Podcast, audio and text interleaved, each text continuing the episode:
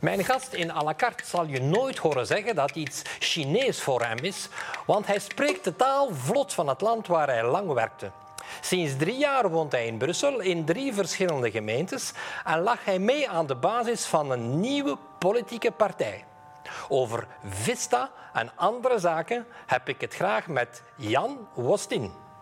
Wat denkt u nu van Brussel? Is Brussel een helhol? Lukt er niets in Brussel? Hoe gaat het nu met Brussel? Goed of slecht? Gaan we nu vooruit of achteruit? Een stad waar te veel auto's zijn? Of zijn de fietsers te arrogant? Wilt u er komen wonen of willen jullie juist weg? Welkom bij à la carte, Jan Goedenavond. Hoe lang heb je eigenlijk in China gewoond? Ik heb daar in totaal zes jaar gewoond. Uh, mijn eerste jaar was in Wuhan trouwens. Dat was toen nog een vrij onbekende stad, maar dat is de laatste jaren natuurlijk uh, wereldberoemd geworden. Daar heb ik een eerste jaar Chinees gestudeerd, dan nog een jaar ook in Xiamen. Dan ben ik verhuisd naar Shanghai en dan nog een aantal jaar in Beijing gewoond. En nu woon je in Sint-Jos-de-Node. Dat is ja, een in Brussel natuurlijk. Hè? Ja. in Brussel. Inderdaad, een aantal jaar geleden uh, heb ik beslist om naar Brussel uh, te verhuizen. Uh, dat toch, ja, het internationale karakter van Brussel trekt mij toch enorm aan. Ik woon hier ook heel graag. en ik sta nu deeltijds in het onderwijs. Ook ja, dat is een merkwaardige carrièresprong, want je bent economist, je bent consultant, je geeft Chinese les nog steeds, je spreekt tien talen. En nu ben je dus een zij-instromer in een school in Molenbeek. Uh, dat was vorig jaar. Dit jaar geef ik les in Etterbeek. In Etterbeek. En uh, wat geef je daar? Ik geef Engels op dit moment. Vorig jaar ook aardrijkskunde en nu ook Engels. Van waar die carrière-switch? Wel, eigenlijk zie ik dat niet helemaal als een carrière-switch, omdat ik eigenlijk mijn hele, hele carrière altijd met onderwijs ben uh, bezig geweest. Ook via het eigen bedrijf dat ik had opgericht, een talenschool, wat was ook onderwijs. En lesgeven, onderwijs heeft mij altijd enorm ja, Je dus met die beide voeten, uh, je Chinese voeten in het Brussels onderwijs. Hoe kijk jij nu aan? Je hebt het dus echt te maken met. De, je geeft les in een Nederlandstalige school. Klopt. Uh, hoe kijk jij aan tegen dat onderwijs? Goh, ik denk, dus de situatie, zeker ook in Brussel, denk ik, is enorm verschillend van school tot school. Het hangt natuurlijk zeer af met de plaatsing, de ligging van de school. Uh, scholen die liggen in moeilijke wijken, in moeilijke zones van Brussel, ja, daar is het niet evident om les te geven. Zeker als je voor een klas staat waar eigenlijk nauwelijks leerlingen thuis Nederlands spreken, dan voel je als leraar dat dat echt heel veel extra inspanningen vergt. In andere scholen stelt dat probleem zich veel minder, omdat daar de thuissituatie misschien ook van veel kinderen veel beter is. Dus ik denk dat toch een heel gemengd verhaal is en dat je het eigenlijk echt school per school moet bekijken waar de, mhm. waar de pijnpunten zitten. Maar we hebben je vooral vanavond in uh, à la carte gevraagd omdat jij een heel belangrijke rol hebt gespeeld bij de oprichting van een nieuwe politieke partij, Vista. Ja.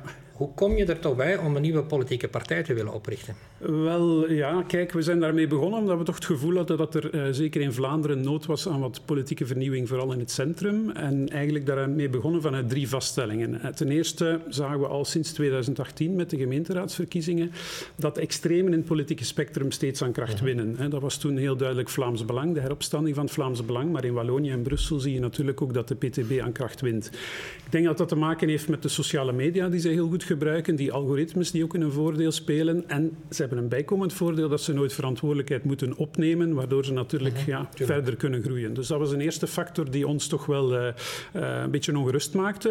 Uh, een tweede iets is de zwakte van de traditionele partijen. Als je kijkt naar dat centrum, die drie traditionele strekkingen, volgens mij hebben die hun tijd gehad, ook omdat de samenleving zo veranderd is. Hè. Die, die drie zuilen of die drie klassieke strekkingen, die bestaan niet meer echt in de samenleving. Mhm. Als je aan jongeren vraagt van ben je liberaal, socialist of christendemocratisch, kunnen zij daar niet veel bij voorstellen. En ik denk dat die partijen ja, duidelijk op zoek zijn naar zichzelf. Bij Vooruit heeft men een beetje de vlucht vooruit genomen, letterlijk. Uh, het is een soort project Conner geworden. Goed, voorlopig lijkt dat wel wat aan te slaan, maar of dat echt duurzaam is, dat zullen we moeten zien. De CD&V voor mij is een partij die baat in nostalgie. Uh, ja. Zowel een verlangen naar een samenleving dus die meer bestaat. partijen allemaal af, dat is natuurlijk logisch. Ja, uh, wel, maar waarin verschilt jouw politieke partij dan van de, van de andere? Ja, wel daar wilde ik toe komen. Het derde punt is dat er ook wel een leegte gaapt in het politieke landschap. Namelijk dat als je als Vlaming progressief ingesteld bent, dat je eigenlijk een beetje politiek dakloos bent. Dat werd zelfs onlangs door, uh, uh, nog eens opgemerkt bij het overlijden van Vicancio, die zich eigenlijk op het einde van zijn leven politiek dakloos voelde. In de zin dat als je meer Vlaamse autonomie wil, ja, dan kan je alleen maar terecht bij partijen die rechts, extreem rechts of zelfs racistisch zijn. Maar als je progressief ingesteld bent, ja, dan kom je terecht bij partijen partijen die eigenlijk het Belgische status quo... En waarom moet Vlaanderen meer autonomie krijgen volgens u? Heeft Vlaanderen nog niet genoeg autonomie? Wel, als je ziet uh, hoe de federale situatie op dit moment is, dat er eigenlijk heel veel uh, hervormingen die federaal zouden moeten gebeuren, allemaal geblokkeerd zitten. Of het nu gaat om de pensioenen, de arbeidsmarkt, uh, ook het energiebeleid is uiteindelijk een boeltje geworden. Dan denk ik dat niemand daar gebaat bij is. Ik denk dat Vlaanderen daar niet gebaat bij is, maar vooral ik denk dat Wallonië daar ook niet bij gebaat is. En daardoor eigenlijk ook Brussel niet. Dus iedereen zit een beetje vast. En ik, ik heb weinig vertrouwen in een, in een verdere federale toekomst. Maar hadden jullie dan een pleidooi voor een, een confederaal model? Dat woord confederalisme, dat is een term voor de NVA. Ze hebben daar een specifiek mhm. plan voor uitgewerkt. Uh, mij, mij boeit dat minder. Ons principe is eigenlijk het regionalisme. Dat wil zeggen een doorgedreven subsidiariteit, waar je eigenlijk de politieke macht altijd van onderuit naar boven opbouwt. Dus je begint echt op het lokale niveau, wat voor ons ook politiek een heel belangrijk niveau is, omdat de mensen denk ik daar het meeste voeling hebben en dat de democratie daar ook eigenlijk het beste functioneert. En dan ga je pas bevoegdheden naar een hoger niveau overdragen als daar een goede reden is voor is. Mhm. Bijvoorbeeld bijvoorbeeld schaalvoordelen. En België is natuurlijk als constructie volledig omgekeerd opgebouwd. Het is beginnen, begonnen bij die unitaire staat en is dan langzaam wat beginnen verbrokkelen. Of, en jij uh, het omdraaien. Ja, ik denk dat je, onderaan beginnen opbouwen. Exact, exact. En dan kan je zien inderdaad, oké, okay, wat, wat is er nog zinvol voor uh, Brussel, Vlaanderen en Wallonië om samen te doen? En speelt het Europese niveau natuurlijk ook een heel mm. belangrijke rol voor problemen als, uh, of situaties als klimaat of migratie? Is het, is het Europese nou, wij willen natuurlijk hier horen jouw partij wil ook opkomen in het Brusselse gewest. Uh, dat is natuurlijk complex, omdat jullie geen uh, Franstalige tegenzusterpartij hebben. Hoe uh, zien jullie dat? Maar ik denk voor de verkiezingen bij Brussel heb je natuurlijk verschillende niveaus. Hè. Als we eerst spreken over de federale verkiezingen in Brussel, dat vind ik toch ook niet onbelangrijk om even te vermelden, is het zo sinds Brussel Halle Vilvoorde dat er eigenlijk geen Vlaamse zetel meer is in Brussel. Hè. De vorige keer waren er wel twee Nederlandstalig verkozenen, maar goed, Tine van der Straten op Franstalige lijsten. Dus Tine van der Straat is minister geworden, meteen vervangen door iemand van Ecolo. En de mevrouw van de PTB, PVDA, goed, bon, zij vinden cultuur en taal sowieso niet echt belangrijk, dus ik weet zelf niet hoe zij zich zou definiëren maar niet als een Vlaming, denk ik. Dus daar vind ik wel jammer dat nu in 24 voor de derde keer federale verkiezingen zullen zijn met de kieskring Brussel, dat de Vlaamse partijen er eigenlijk niet in slagen om over de partijgrenzen heen toch eens te kijken wat ons eigenlijk bindt, uh, welke gemeenschappelijke belangen wij hebben. En dan kijk ik naar die hervormingen die federaal niet doorgevoerd worden. Ja, de Vlaamse stem in Brussel op dit moment gaat volledig verloren bij die federale verkiezingen. Ja. Ja. Denk, denk, je dan aan dat er zou moeten een samenwerking zijn tussen Vlaamse partijen met het idee dat in de jaren 70, 80 bestaan heeft van een Vlaamse eenheidslijst? Wel, uh, wij staan er in elk geval voor open, maar ik denk dat het initiatief daarvoor sowieso moet komen van de iets grotere Vlaamse partijen en dat dat ook uh, misschien wel een aantal onafhankelijke, onafhankelijke krachten terug mee in de politiek kan trekken. En dat is ook wat wij met Vista willen, is dat er opnieuw uh, nieuw bloed, vers bloed in de politiek komt. Want in die traditionele partijen heb je het gevoel dat alles een beetje leeggebloed is en dat die een beetje kapot geregeerd zijn. Maar zijn in Brussel natuurlijk de partijen die de beste resultaten haalden bij de vorige verkiezingen, waren niet de traditionele partijen, maar waren partijen die toch relatief jonger zijn, zoals uh, Ecolo Groen en, en One Brussels. Dat zijn toch, dat zijn, dat zijn, is dat niet moeilijk om in die context, ik heb het dan over de Brusselse context, over de gewestverkiezingen, is het dan niet moeilijk om daar als nieuwe kleine Vlaamse partij op te komen? Ja, maar goed, ik denk, kijk, voor een nieuwe partij is het vandaag op alle niveaus moeilijk omwille van de particratie natuurlijk. Hè. Je vertrekt met nul financiering en je moet opboksen tegen de partijen die zich elk jaar 80 miljoen uitkeren en eigenlijk zelfs 160 miljoen mhm. als je allerlei extra's erbij neemt. Dus als nieuwe partij daar opkomen is niet makkelijk. Maar voor Vista, het is ook wel heel belangrijk dat wij met Vista ons breder willen richten dan enkel uh, de Nederlandstaligen in Brussel. Want ik denk dat er ook heel veel Franstaligen zijn die ja, de Franstalige partijen een beetje beu zijn, die traditionele partijen, maar die daarom niet voor PTB willen stemmen en die ook wel horen hebben naar het idee dat eigenlijk Vlaanderen en Brussel misschien toch ook wat meer naar elkaar moeten toegroeien en beter moeten samenwerken eerder dan met de rug naar elkaar te leven. Waarom zou Franstaligen op, op Vista stemmen? Wel, kijk, ik denk als je kijkt naar de, de belangrijkste problemen in Brussel op dit moment. Werkgelegenheid is er zeker één van. Federaal moeten daar maatregelen voor genomen worden, maar dat gebeurt niet, omdat de Franstalige partijen, om PS en MR te, uh, en Ecolo niet te noemen, daar eigenlijk geen, geen, uh, uh, geen vooruitgang in willen boeken. Veiligheid is een tweede probleem. Ja, daar heb je ook het federale niveau nodig, dat mee dat ondersteunt, dat mee die veiligheidsproblematiek in Brussel mee op de kaart zet. En ook daar zie je dat de Franstalige partijen terughoudend zijn, terwijl ik denk heel veel Franstalige kiezers ook wel het probleem zien.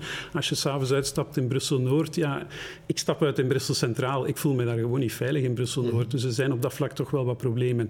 Um, en een ander iets, denk ik, is ja, het onderwijs. Daar zie je toch ook wel dat Franstalige scholen, dat daar steeds meer Nederlands wordt gegeven, dat die immersie, dat, dat immersieonderwijs uh, zeer populair is en dat eigenlijk de Franstalige burger in mijn ogen veel opener staat voor het Nederlands dan sommige Franstalige politici. En dat zij eigenlijk willen dat Brussel eindelijk een tweetalig gewest wordt, wat het dertig jaar later nog altijd niet is. Uh, gaan jullie dan ook een, een tweetalige campagne voeren? Goh, dat is te vroeg om dat nu te zeggen, maar ik heb zo absoluut... Het is al binnen een jaar, hè? Ja, maar ik heb absoluut geen probleem om in het Frans campagne te voeren in Brussel. Kijk, er zijn uh, in Brussel twee officiële talen, het Nederlands en het Frans. Dus ik vind het voor een partij perfect normaal dat je die, die twee talen mhm. hanteert in een campagne. Ja. Want jullie nemen, uh, met permissie gezegd, uh, zeer flamingante standpunten in.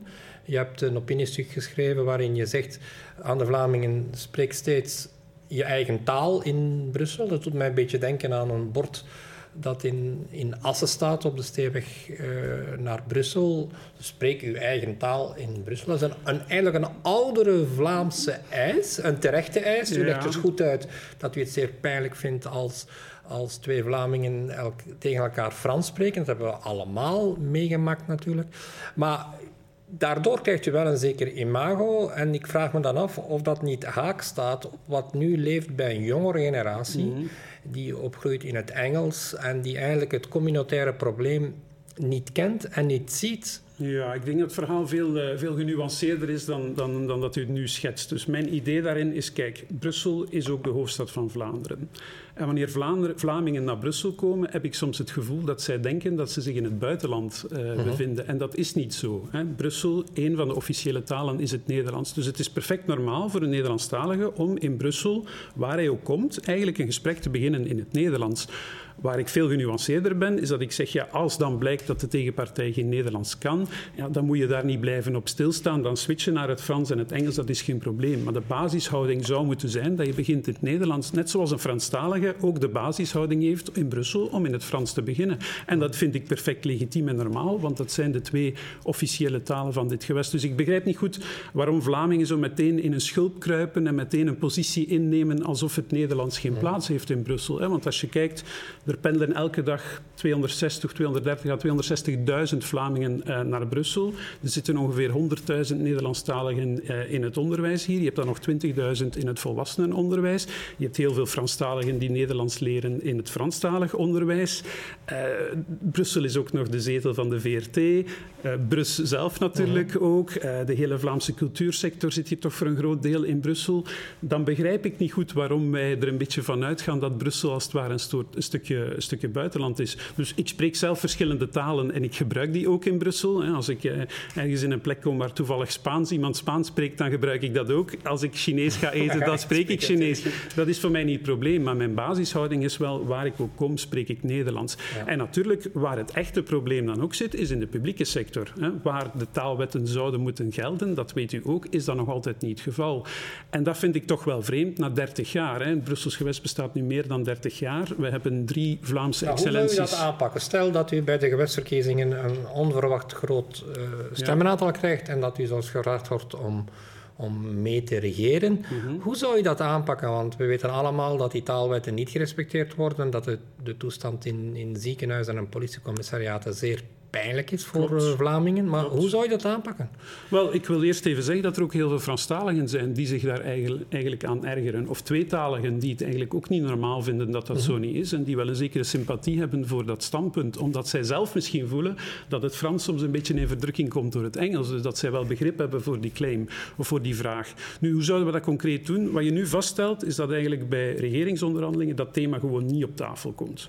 Uh, de Vlaamse partijen durven dat gewoon niet vragen, omdat dat zij zich in mijn ogen gedragen als lakeien van hun Franstalige zusterpartijen. Terwijl dat eigenlijk de wet is. Nu, ik pleit er absoluut niet voor om te zeggen overal in die diensten waar eentalige mensen wonen, uh, werken, moeten die vertrekken. Mhm. Dat is absoluut niet de bedoeling. Maar het is natuurlijk wel mogelijk om het Nederlands te leren. En dat lijkt me een beetje te vergeten. Men zegt van ja, we vinden geen Nederlandstaligen. Ja, goed, maar mensen kunnen ook wel een taal leren. Dus ik zou zeggen, kijk, mhm. laten we een traject afspreken voor iedereen die op die diensten werkt, die eigenlijk tweetalig zouden moeten zijn. Na zes maanden moet je niveau A1 bereiken, na één jaar niveau A2 en na twee jaar niveau B1. En dat kan ook voor nieuwe recruten zo ingesteld worden. Als zou blijken dat dat niet mogelijk is, ja, dan moeten misschien de Vlamingen in Brussel of de Nederlandstaligen in Brussel ook eens nadenken of het van sommige instellingen niet nuttig is om die dan te splitsen. Want uh, bij de politie kan dat natuurlijk niet. Daar moet je altijd die tweetaligheid hebben. Maar als ik denk aan het OCMW, onlangs een interessant artikel over gelezen, dan merk je dat Nederlandstaligen soms bij het OCMW gewoon niet in Nederlands kunnen bediend worden, omdat er te weinig personeel is. Dan zou je kunnen overwegen om, dat moet sowieso vereenvoudigd en gecentraliseerd worden, denk ik, Franstaligen willen dat niet, zou je kunnen komen tot één Nederlandstalig OCMW in Brussel, waar je dan zeker bent dat die Nederlandstaligen... moeten, moeten gefuseerd worden. Ja, moet één als de Franstaligen dat niet willen, heb ik daar ook nog begrip voor, vanuit dat idee van proximiteit. Maar ik vind voor Nederlandstaligen, denk ik, is het belangrijker dat als je problemen hebt op socio-economisch eh, vlak, dat je in je eigen taal kan uh, geholpen worden. En dan de Franstalige OCMW's die dan overblijven, die hebben dan ook geen last meer van de taalregels. Dan denk ik dat je op die manier ook wel vooruit gaat. Maar je zegt zelf, Vista is, is eigenlijk een, zowel een progressieve partij, maar ook een Vlaamsgezinde partij. Je zegt in tegenstelling tot wat men zegt, is het paradigma uh, er wordt gedacht in een verkeerd paradigma over Vlaanderen dat er een rechtse onderstroom zal, zal zijn in Vlaanderen die hervormingen op vlak van de staat wil. Maar jij zegt dat kan ook vanuit een progressieve hoek. Je kan dus ook vanuit een progressieve linkse hoek, kan je dus ook ijveren voor, voor, voor de rechten van de taal, voor dat, dat, flam, dat flamingatisme waarvan Vicancio misschien een goed voorbeeld was. Maar absoluut, ik zie de tegenstelling niet. Nu, ik vind mijzelf, ik noem mijzelf geen Flamingant. Ik ben gewoon een Vlaming. Ik vind het evident dat ik in Brussel, dat tweetalig is, ook in mijn eigen taal uh, moet terecht kunnen. Ik zie niet waar de tegenstelling zit. En ik begrijp niet waarom progressieve partijen daar eigenlijk geen aandacht voor hebben voor dit thema. Ja, maar progressieve partijen, er, is een clivage bij progressieve partijen, groen vooruit, uh, gaan er stemmen op uh, om te herfederaliseren. Uh, wat er zich nu in, de, in het Vlaamse parlement afspeelt, is ook geen reclame voor die Vlaamse autonomie. Alles is geblokkeerd. Een regering die zou moeten vallen, kan zelfs niet vallen. Ja, wat denk jij over die herfederaliseringen? Als je spreekt over herfederalisering, eigenlijk moet je eerst en vooral vaststellen dat wat we ook willen hervormen in, in België, dat daar eigenlijk geen tweederde meerderheid meer kan voor gevonden worden. Dus het idee dat je een beetje out of the box zou moeten denken in 24, dat lijkt me toch wel reëel. Uh, zij die willen herfederaliseren, ik zou niet weten waar die tweederde meerderheid vandaan zou komen, maar zij die verregaande hervormingen wil doen zoals N-VA wil, goed, die hebben daar ook de meerderheid niet voor. Dus daar zit inderdaad alles een beetje geblokkeerd. Maar dan denk ik dat je moet ja, tussen de regio's onderling gaan kijken van wat zijn nu onze gedeelde belangen en hoe kunnen, hoe kunnen wij vooruitkomen. Want als België iedereen blokkeert, dan denk ik dat niemand daar belang bij heeft. Ja, en je denkt dus dat door meer bevoegdheden aan, aan de gewesten te geven, dat dat wel kan functioneren? Ik denk dat wel. Ik denk dat er zeker nog gedeelde belangen kunnen zijn op het Belgisch niveau. Maar ons idee van regionalisme is dat Belgisch niveau dan ook wel ten dienste moet staan van de regio's en niet omgekeerd. En je ziet trouwens aan Franstalige kant dat men ook wel in die richting beweegt. Hè. Men uh, pleit daar nogal graag voor het België met vier, uh, waar dat je dan ziet dat men eigenlijk ja, in zekere zin van de Franse gemeenschap af wil. Dat men toch ook voelt van dat, dat werkt niet ideaal tussen Brussel en Wallonië. Men wil niet altijd hetzelfde. Men bakkeleit over hoeveel cultuurgeld gaat er naar Brussel, hoeveel naar Wallonië. In het onderwijs, willen we nu tweetalig onderwijs of niet, dat, dat zit men ook niet op dezelfde lijn. Dus ik denk dat men ook wel in die richting beweegt ik, ben daar op, ik sta daar op zich open voor, maar voor mij is het superbelangrijk dat die Vlaamse gemeenschap wel actief blijft in Brussel. Dus als de Franstaligen dat op een andere manier willen oplossen, heb ik daar geen enkel probleem mee. Maar de aanwezigheid van de Vlaamse gemeenschap in Brussel is voor ons superbelangrijk. En, en ik heb het, eh, het interview met Egbert Lachart gehoord, ook in, in dit programma, die zei ja, de, de, band tussen Vlaanderen en Brussel is eigenlijk al doorgeknipt. Ja, daar geloof ik helemaal niets van. Die moet volgens u juist versterkt die worden? Die moet juist versterkt worden in het belang van zowel Vlamingen als Brusselaars, omwille van de heel nauwe contacten uh, die er zijn. En ik zie dat zij ja, jarenlang eigenlijk een beetje met de rug naar elkaar geleefd hebben. Ik zou zeggen, het is tijd voor, voor Vlaanderen en Brussel in zekere zin om terug wat meer verliefd te worden op elkaar. Want ik denk dat we er allebei heel veel bij te winnen hebben. Goed, afspraak met de kiezers binnen een jaar. Jan met plezier. Dank je wel. Van de partij Vista. Bedankt voor dit gesprek. Bedankt kijkers. volgende week zit Melina hier. Graag tot de volgende keer.